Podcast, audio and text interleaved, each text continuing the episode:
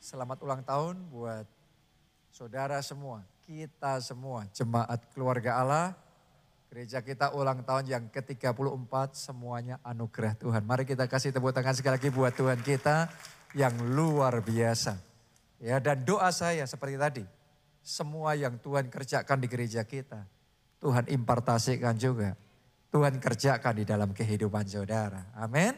Nah, di momen yang spesial ini, Uh, saya mau tanya terlebih dahulu, kemarin siapa yang datang di dalam perayaan ulang tahun gereja di PIK? Oke, Anda yang datang Anda bisa melihat ya, kemarin beda sekali sama satu tahun sebelumnya. Karena tepat setahun kita opening gereja kita di PIK, waktu kita opening itu main hall saja nggak penuh. Benar apa tidak? Tapi kemarin main hall penuh, sesak. Sampai di depan yang nggak ada kursi, duduk di bawah di karpet. Padahal kalau dengar khotbah sambil duduk di bawah begitu kan begini saudaraku ya. Karena persis langsung di depan mimbar. Full sesak, tidak ada tempat sama sekali. Bahkan bukan hanya di main hall. Di luar main hall sampai di lift, buka lift. Itu sudah orang-orang menyembah Tuhan.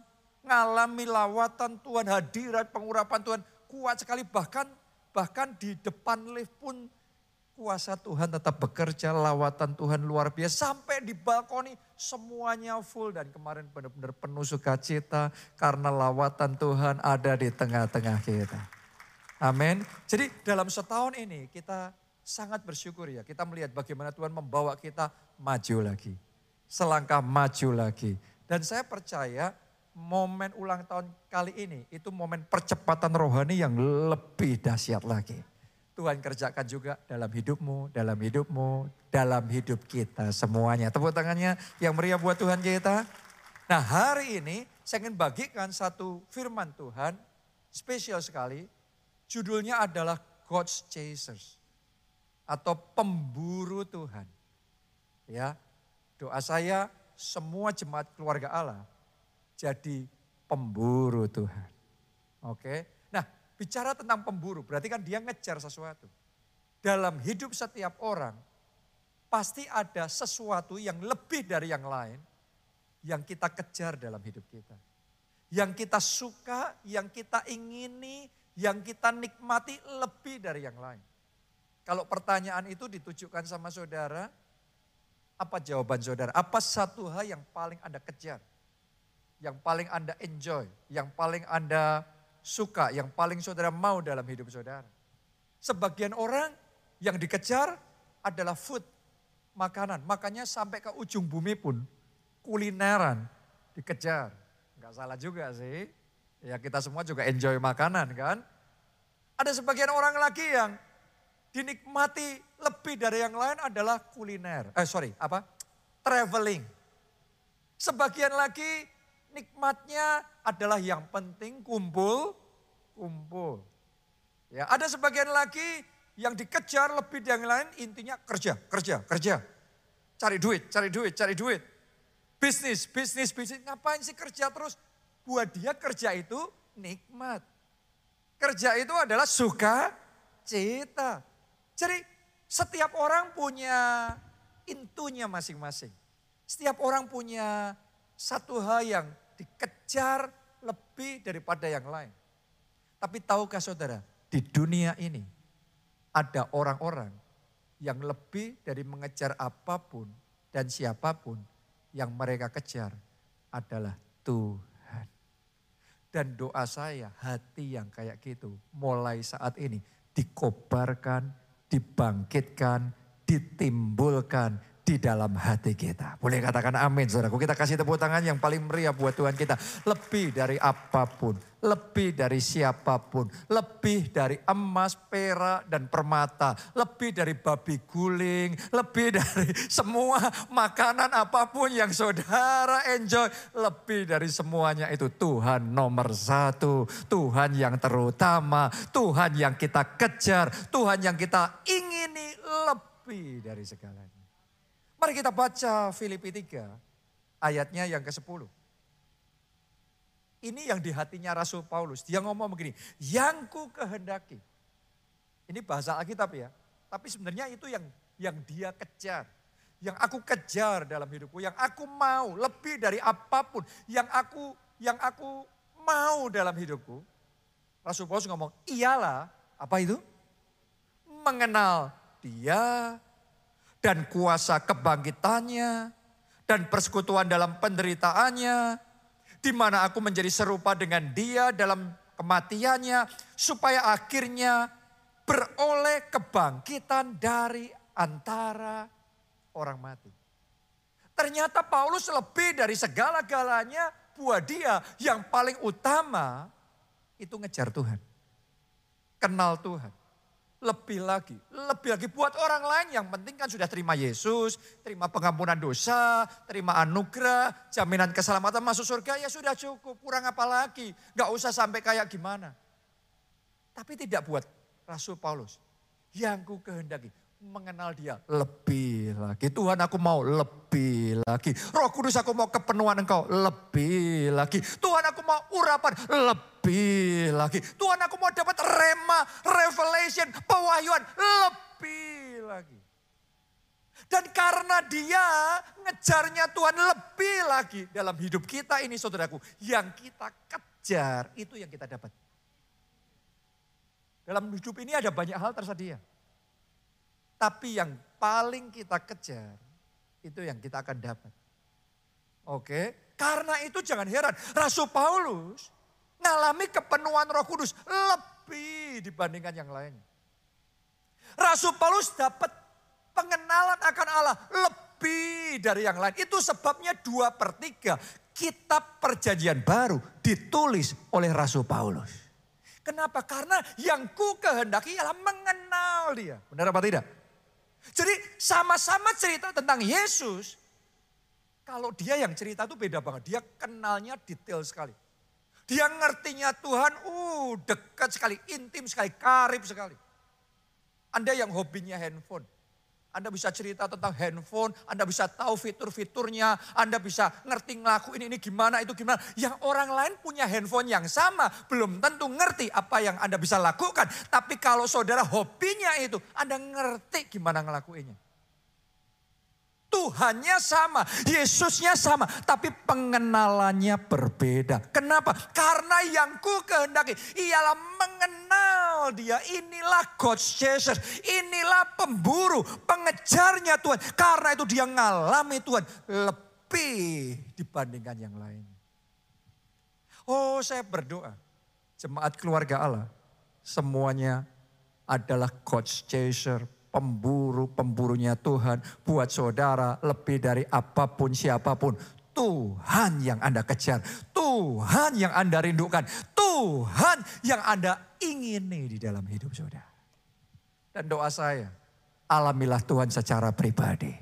Bukan dari kata orang, tetapi secara pribadi dalam kehidupan saudara. Saya berdoa Anda dibawa dalam pengenalan Tuhan yang lebih lagi. Keintiman dan kekaripan dengan Tuhan yang lebih lebih lagi. Contoh yang berikutnya dalam Alkitab adalah Elisa. Elisa itu juga seorang God chaser. Dia seorang pemburu Tuhan. Yang dikehendaki, yang dikejar adalah Tuhan. Di Alkitab kalau Anda teliti ya, Anda akan menemukan Elisa itu adalah muridnya seorang nabi besar, namanya siapa? Nabi Elia. Tapi dibandingkan murid-murid Elia yang lain, Elisa ini punya keinginan menggebu-gebu untuk dapat impartasi urapan lebih dibandingkan yang lainnya. Elia punya banyak murid, banyak orang kepengen jadi seperti Elia. Banyak orang mau belajar seperti Elia. Tapi ada yang nangkepnya satu persennya. Ada yang dapatnya lima persennya. Ada yang belajarnya 10 persennya. Tapi beda dengan Elisa. Waktu Elisa ngelihat nabi besar itu, dia ngomong begini, aku mau yang kayak gini Tuhan. Tapi enggak cuma gini, aku mau double porsi. Dan itu yang dia dapatkan dalam hidupnya, urapan double porsi. Sehingga dalam hidupnya dia bisa melakukan mujizat dua kali lipat, lebih besar, lebih banyak daripada Eli. Saya berdoa Tuhan bangkitkan orang-orang spesial di tempat ini. yang ketika melihat orang hebatnya di bidang saudara, orang topnya di bidang saudara, Anda nggak berkecil hati dan berkata, kalau aku bukan kelasnya itu. Doa saya akan bangkit orang-orang spesial di tempat ini. Seperti Elisa yang ketika melihat orang topnya di bidang saudara. Dalam hatimu ada keinginan yang menggebu-gebu. Ada kerinduan yang menyala-nyala. Tuhan aku mau double porsi. Dan doa saya Anda yang punya kerinduan seperti itu. Terimalah urapan itu. Terimalah berkat double porsi. Terimalah kemenangan double porsi. Katakan amin tepuk tangannya yang paling meriah buat Tuhan kita. Karena Yesus yang ngomong, berbahagialah yang lapar, ia yang dikenyangkan. Berbahagialah yang haus, ia yang dipuaskan. Semua makanan tersedia di pesta. Tapi kalau Anda datang ke pesta, nggak lapar, Anda kenyang, makanan tersedia pun tidak Anda sentuh. Anda nggak dapat apa-apa, walaupun tersedia. Nabi Elia tersedia ini, mau ditangkap satu persen ya bisa, sepuluh persen bisa, seratus persen bisa, tapi secara spiritual itu unlimited. 200 persen double porsi pun juga bisa. Tergantung kelaparannya. Jadi pertanyaannya, how hungry are you? Seberapa lapar saudara? Seberapa rindu, seberapa haus saudara? Sama-sama beribadah seperti ini. Apa yang Anda kejar? Apa yang Anda mau di dalam hati saudara. Kalau di dalam hati kita yang penting saya setor wajah, sudah ibadah selesai. Yaitu Anda dapatnya sudah ibadah dan selesai. Tapi doa saya dalam ibadah ini, ada kehausan yang besar. Tuhan lawat aku. Tuhan jamah aku. Tuhan penuhi aku. Tuhan aku juga mau urapan double porsi. Dan kalau itu kerinduan ada, terimalah itu dalam hidup saudara. Amin. Saya percaya dalam ulang tahun yang ke-34 gereja kita, Tuhan sedang berikan hidangan. Pesta rohani. How hungry are you? Doa saya Anda semua ghost chaser. Ada semua pengejar Tuhan dan Anda mengejar Tuhan dengan sungguh-sungguh. Orang yang mengejar Tuhan dengan sungguh-sungguh. Anda akan mengalami Tuhan. Anda akan mendapatkan Tuhan. Kepenuhan Tuhan. Hikmat Tuhan. Sukacita Tuhan. Pengurapan dan kuasa Tuhan bekerja dalam hidup saudara. Yang Anda kejar, kejar itu yang Anda dapat. Sama sama halnya dengan pengusaha. Kadang-kadang pengusaha melihat orang lain, kok males sih kamu? Anda kerja lebih keras, anda dapat kemenangan lebih besar. Mungkin orang lain nggak ngejar seperti saudara ya sudah mereka berpuas diri segitu. Itu dalam urusan pekerjaan, urusan bisnis. Kadang-kadang kita bisa ngejar begitu rupa untuk cari duit. Tapi belum tentu kita ngejar begitu rupa untuk cari Tuhan. Orang lain juga ngomong, kok males banget kamu nyari Tuhan. Sama halnya kita ngomong, kok males banget kamu kerja. Hmm, doa saya mulai hari ini Kesukaan saudara ialah Tuhan. Kerinduan saudara ialah Tuhan. Seperti Daud cinta akan rumahmu. Menghanguskan aku ya Tuhan. Lebih baik satu hari di pelataran rumah Tuhan. Daripada seribu hari di tempat lain. Kenapa? Karena Daud ngomong yang ku ingini, yang ku ingini adalah Tuhan. Bagianku dan warisanku adalah Tuhan. That is God's chaser. Itulah pemburu, pengejar Tuhan. Kenapa kok kita dalam khotbah ini pakai nama pemburu. Karena biasanya pemburu itu mendapatkan yang dia buru. Kalau kita tidak memburu ya cuma jalan-jalan belum tentu dapat. Tapi kalau kita sudah mau narget sesuatu, kita mau memburu sesuatu. Orang yang memburu seperti itu, dia dapat. Doa saya yang Anda buru, Anda dapat. Yang Anda kejar, Anda dapat. Yang Anda rindukan, Anda dapat yang jadi visi dan impian dalam hidupmu, engkau dapat, engkau terima itu dalam nama Yesus. Saya mau bagikan sama saudara empat kelebihan pemburu yang membuat dia bisa mendapatkan yang dia incar. Dimulai kelebihan yang pertama, pemburu punya keberanian. Karena nggak bisa jadi pemburu kalau nggak punya keberanian. Untuk masuk hutan butuh keberanian. Dan begitu masuk hutan akan sangat mungkin ada keadaan-keadaan yang tidak terduga. Betul apa tidak? Tiba-tiba bisa berhadapan dengan binatang buas. Kalau orang nggak punya keberanian, nggak akan jadi pemburu dan tidak akan mendapatkan apa-apa. Saya belajar dalam hidup ini, orang yang dapat besar adalah orang yang berani. Kadang-kadang kita melihat orang-orang yang seperti itu, karakternya kurang ini, sifatnya kurang baik, tapi karena keberaniannya besar, dia dapatnya besar.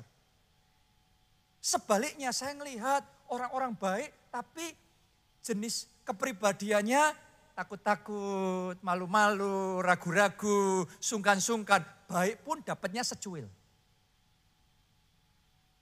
Buktiin aja omongan saya.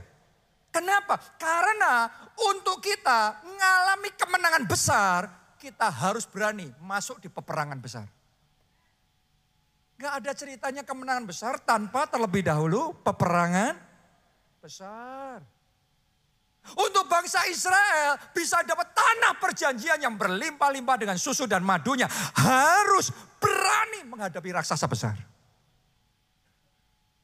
Untuk Petrus bisa berjalan di atas air butuh nyali besar. Butuh iman besar. Butuh keberanian besar untuk lompat dari perahunya. Dan mulai berjalan di atas air. Anda boleh tahu semua isi Alkitab, tapi kalau Anda nggak punya keberanian untuk mengerjakan yang Tuhan suruh engkau kerjakan, engkau nggak ngalami apa-apa. Hmm. Jadi untuk mengalami kuasa Tuhan dibutuhkan keberanian. Tanpa keberanian nggak bisa. Orang yang berani itu bukan berarti nggak punya rasa takut. Orang yang berani orang yang mau mengalahkan rasa takutnya. Saya ini dalam hidup saya sebenarnya dulunya penakut. Saya ini paling banyak takut kalau disuruh beli waktu kecil ya, disuruh beli barang di satu warung, di satu tempat hanya untuk tanya aja saya takut. Untuk ngapa-ngapain saya takut. Tapi saya belajar kalau saya mau mengalami terobosan dalam hidup saya, saya harus bisa mengalahkan rasa takut itu. Bukankah itu juga yang dialami oleh Gideon? Pertama kali kisahnya dicatat dalam Alkitab, ditulis bahwa Gideon itu sedang sembunyi karena dia takut. Modelnya orang takut, minder, rendah diri, dan selama kayak gitu terus, Gak bisa dipakai Tuhan untuk melakukan perkara besar. Sampai suatu kali Tuhan datang sama Gideon. Dan Tuhan ngomong, kamu pahlawan yang gagah berani. Hari ini Tuhan juga mau ngomong sama saudara, kamu gagah berani. Kamu pemberani. Mulai sekarang tidak lagi penakut. Kamu pemberani. Doa saya semua ketakutan di hatimu dihancurkan digantikan dengan keberanian ilahi bangkit dalam hati saudara. Bukan berarti Gideon setelah Tuhan ngomong kamu pahlawan yang gagah berani terus tiba-tiba jadi berani. Enggak, dia butuh mengumpulkan keberaniannya. Dia butuh melakukan membulatkan tekadnya. Untuk akhirnya dia mulai mengumpulkan pasukan. Untuk kemudian dia mulai menghancurkan berhala di rumah papanya dan seterusnya. saya melihat dengan mata iman mulai ibadah ini. Ada orang-orang di tempat ini. Hal-hal yang tadinya tidak pernah berani Anda lakukan. Tapi ibadah ini, ibadah terobosan. Mulai hari ini Anda akan diberikan keberanian ilahi untuk melakukan hal-hal yang mustahil. Oke, semua kemenangan besar selalu diawali dengan berani. Hari ini saya mau ngomong sama saudara. Kalau Tuhan suruh Anda mengerjakan proyek yang besar, berani. Kalau Tuhan suruh saudara melakukan sesuatu yang kayaknya melampaui kapasitas saudara, saya mau ngomong berani. Anda harus tahu tempat ini, Soho Capital, lantai 11 ini, bisa jadi, bisa ada, kita punya Butuh apa? Berani. Kalau nggak berani nggak dapat. Saya sudah belajar dalam hidup. Pokok kalau nggak berani, nggak dapat. Tapi kalau berani, kita akan heran. Apa saja yang kita bisa dapatkan dalam hidup kita. Setelah tempat ini selesai, gedung PIK sana, Haleluya Center, juga butuh berani. Di tengah pandemi, kalau nggak berani, nggak dapat itu. Berani. Anda akan melihat hal-hal yang hebat Tuhan kerjakan dalam hidup saudara. Mulai hari ini hal-hal yang Anda pikir tidak pernah mungkin. Tidak mungkin bisa. Saya mau ngomong, itu akan Anda alami. Tuhan akan berikan dan akan menjadi kesaksian saudara. Karena hari ini ada keberanian ilahi yang dibangkitkan Tuhan di dalam hati saudara. Katakan amin. Dan kita kasih tepuk tangan yang meriah buat Tuhan. Semuanya katakan berani. Semuanya katakan dari hati yang paling dalam dengan kuat katakan saya harus berani. Amin. Itu yang pertama. Yang kedua, kelebihan pemburu adalah kesabaran. Pemburu hanya dapat buruannya kalau dia sabar. Pemburu yang nggak sabar pasti nggak dapat buruan. Kalau buru-buru malah nggak dapat apa-apa. Dalam hidup ini ada hal yang kalau kita buru-buru malah hilang semua. Tapi melalui kesabaran, melalui ketekunan, Anda dapat yang Anda incar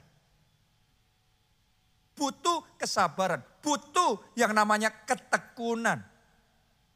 Itu yang dilakukan oleh Elisa sehingga dia bisa dapat urapan double porsi. Dia harus sabar tuh.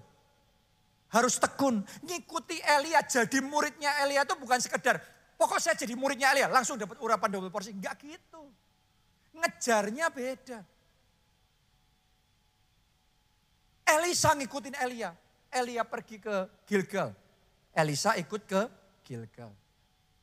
Tetap nggak dapat.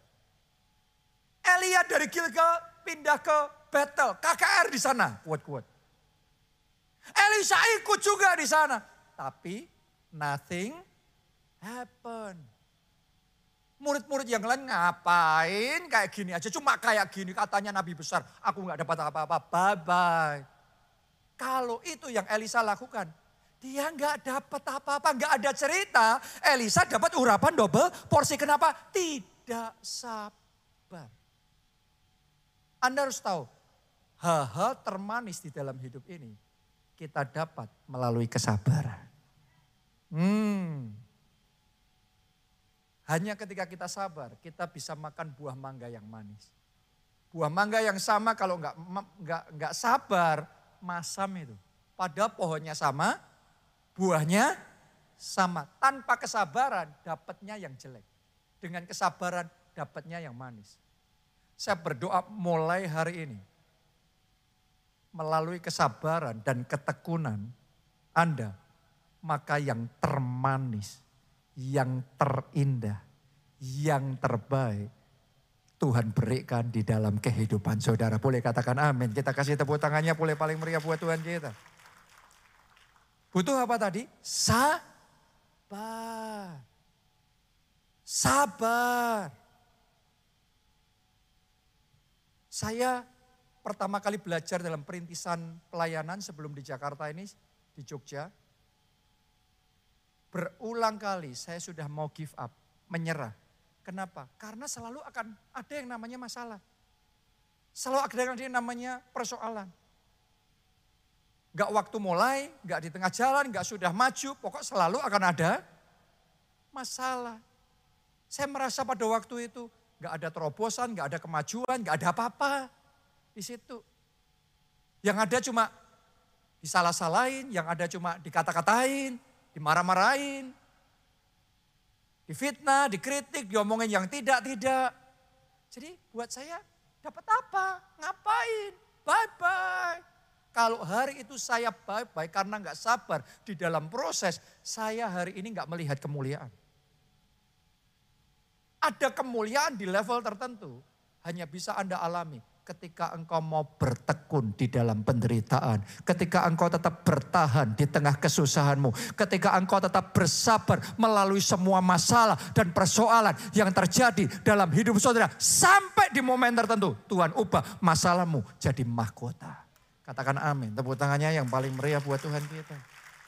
Itu sebabnya yang sedang suffering, yang sedang menderita, yang sedang dalam kesesakan, yang mengalami kesusahan. Saya mau ngomong sama saudara, sabar.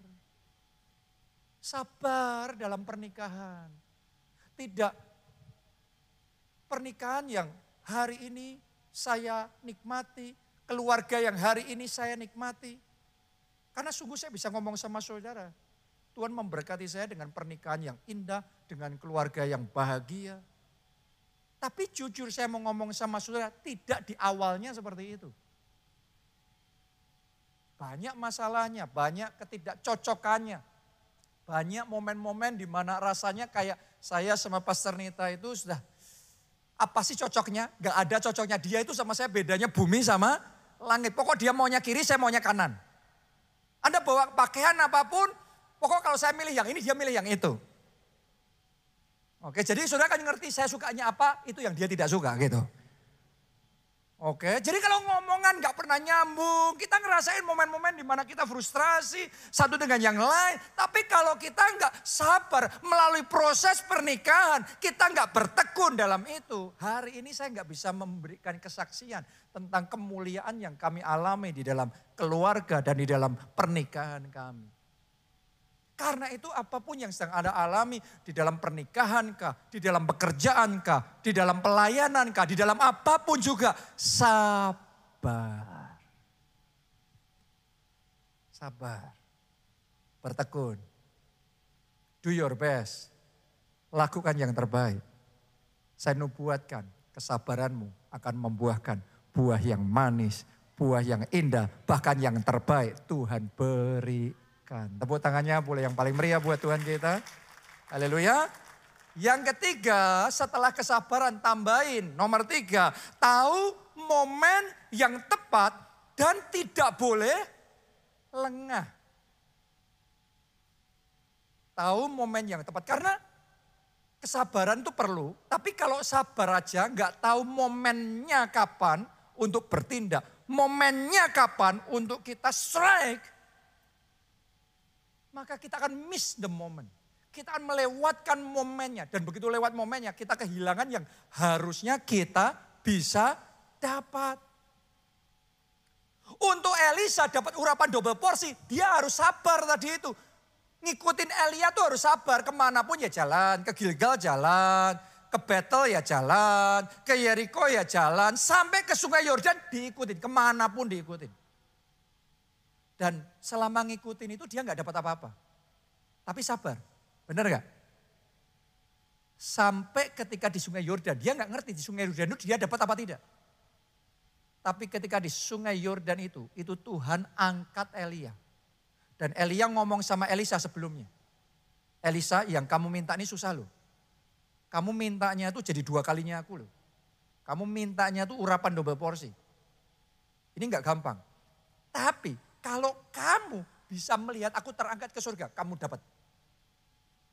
Di sungai Yordan Tuhan angkat Nabi Elia. Di situ Elisa ngomong, Bapakku, Bapakku. Uh, ini momennya sekarang. Coba Elia turun. Di pungutnya, di situ dia dapat urapan double porsi. Jadi bukan di Jericho, bukan di battle. Tapi di momen sungai Yordan. Saya bisa merasakan ada orang-orang di tempat ini. Bahkan dalam ibadah ini juga. Momen sungai Yordanmu sudah datang. Ini momen urapan double porsi. Tuhan akan berikan di dalam hidup saudara. Dan kalau momen itu datang, you have to act. Anda harus melangkah dengan iman. Jalan, Anda akan dapat. Di Alkitab ditulis tentang kisah kolam Bethesda yang sewaktu-waktu malaikat dari surga akan turun untuk apa? Menggoncangkan air kolam itu. Dan dicatat di sana, begitu airnya berbuih, orang yang pertama nyemplung ke kolam itu, apa pun juga sakit penyakitnya, dia akan sembuh. Tapi harus tepat di momennya. Itu yang saya sebut momen ilahi.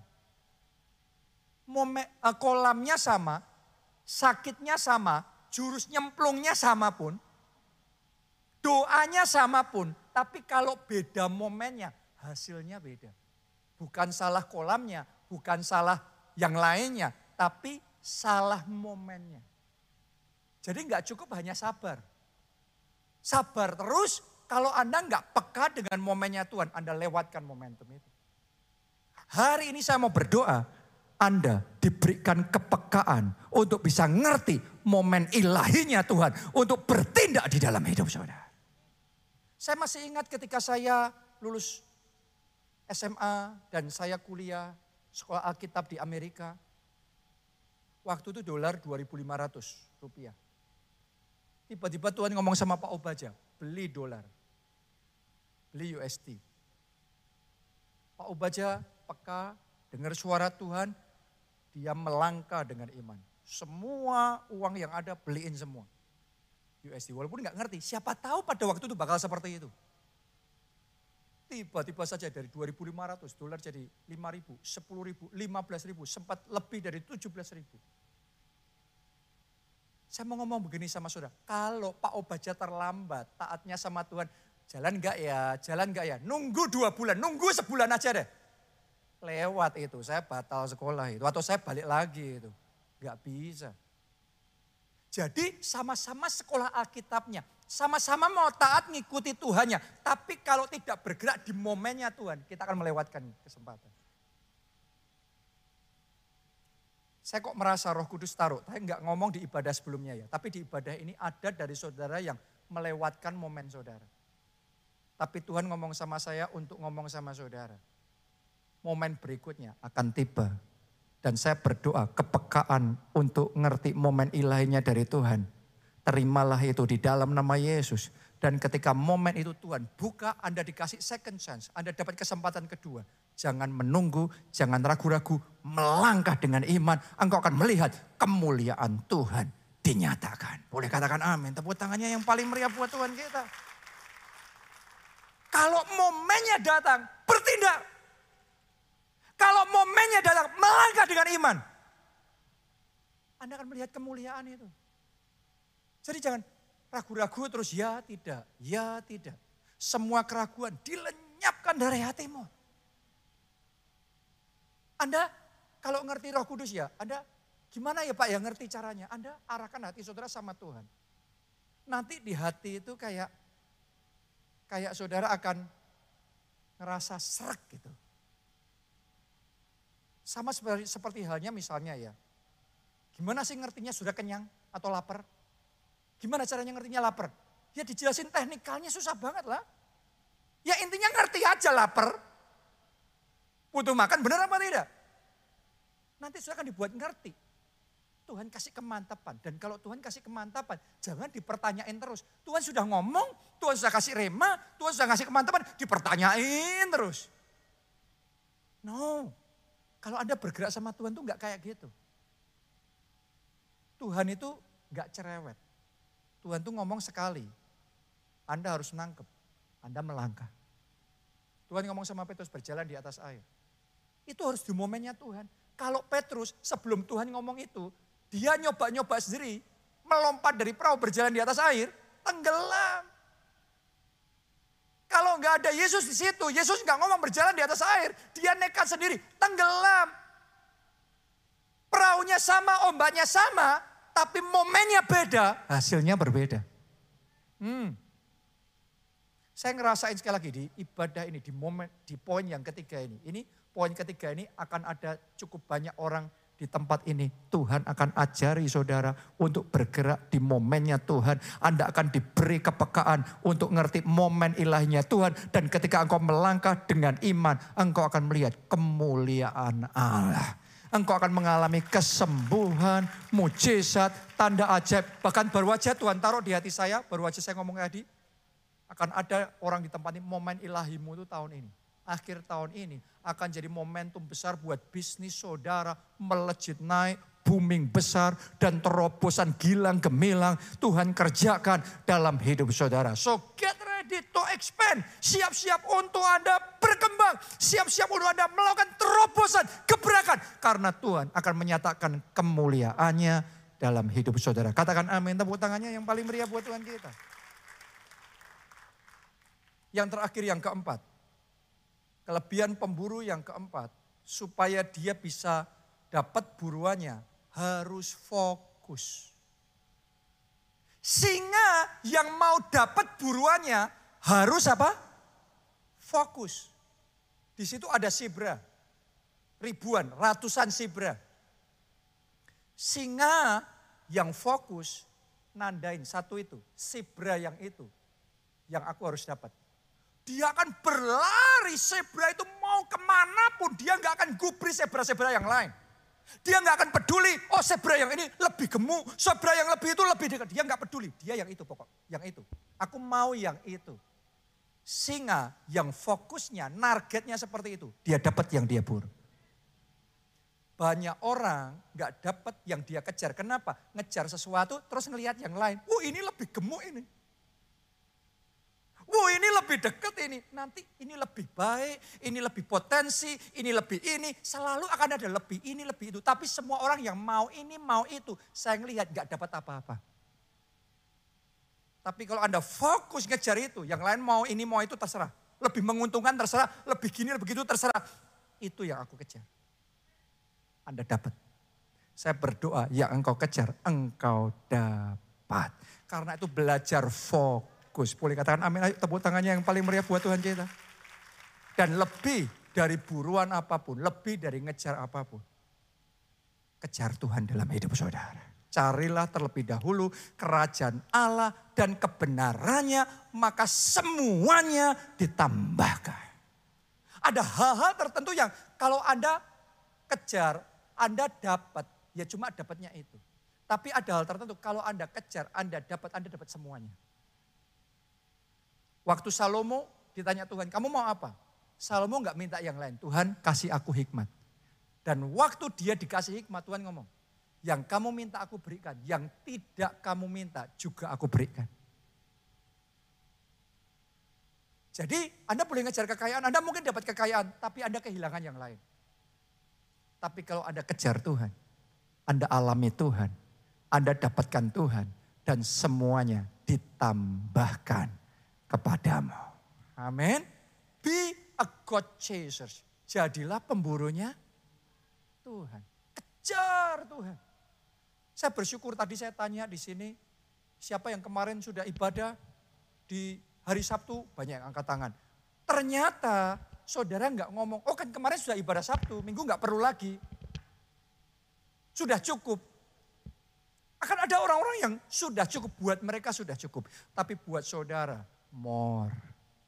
Buat Anda lebih lagi, lebih banyak, lebih besar, lebih dahsyat yang Tuhan kerjakan dalam hidup saudara.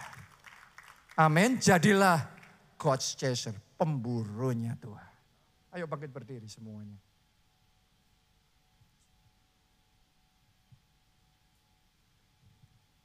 Ternyata saudaraku, semuanya dimulai dengan Tuhan ngejar Tuhan dulu.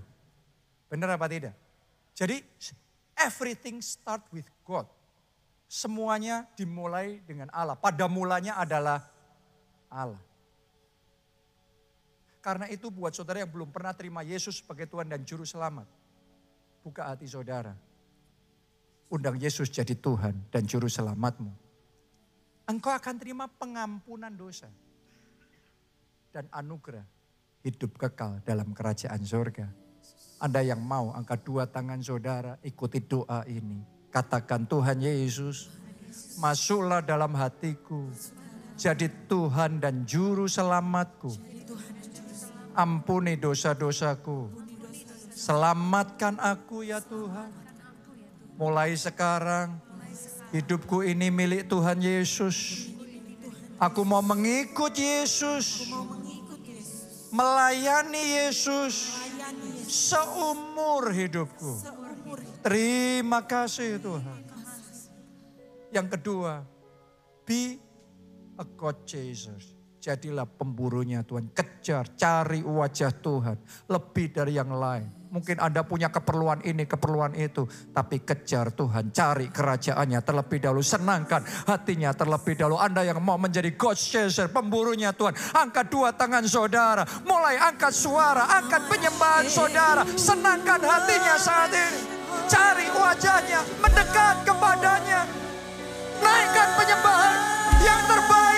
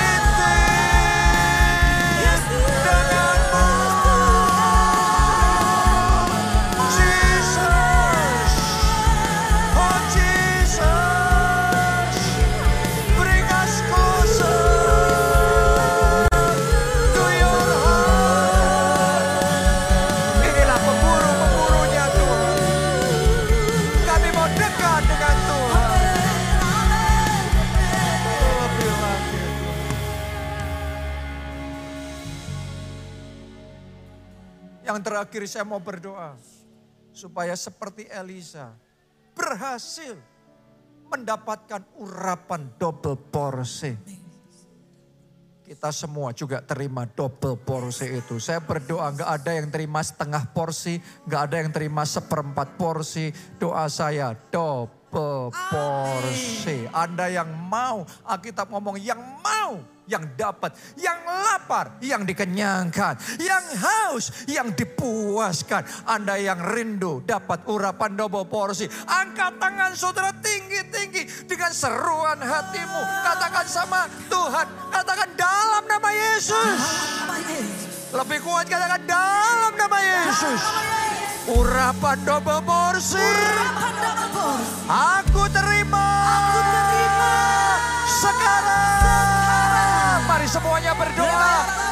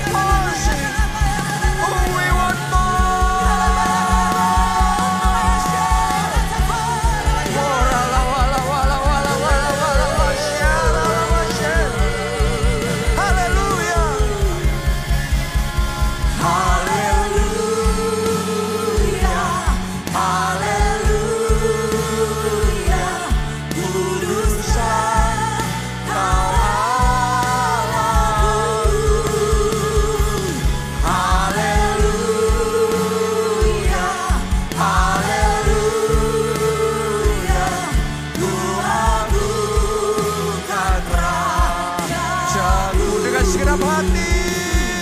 할렐루야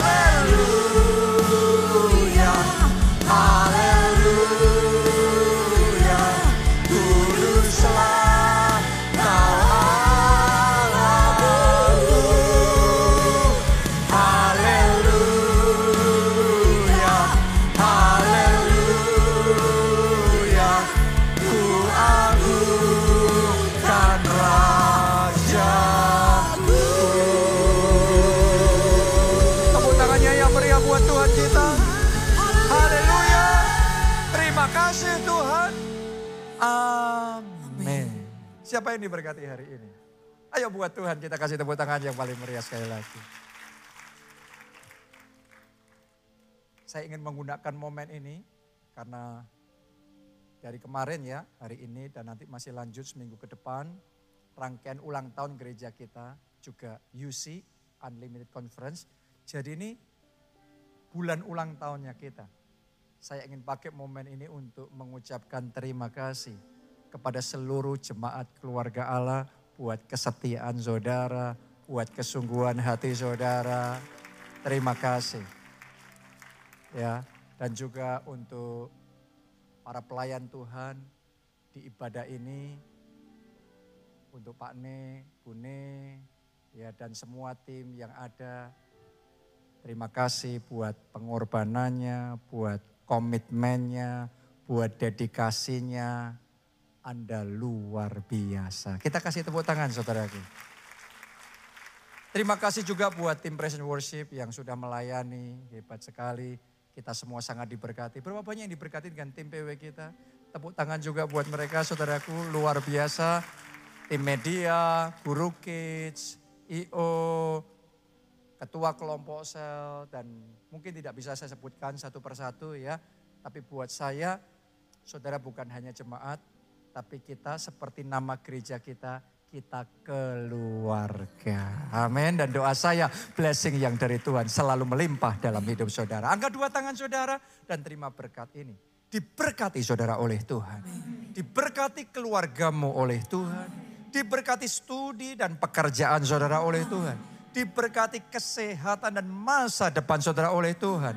Dan diberkatilah pertumbuhan rohani serta pelayananmu oleh Tuhan. Sehingga hidupmu jadi berkat melalui kesaksianmu, jiwa-jiwa diselamatkan. Dalam anugerah Allah Bapa, cinta kasih Yesus Kristus, dan persekutuan dengan roh kudus sekarang sampai selama-lamanya. Mari bersama-sama katakan, amin.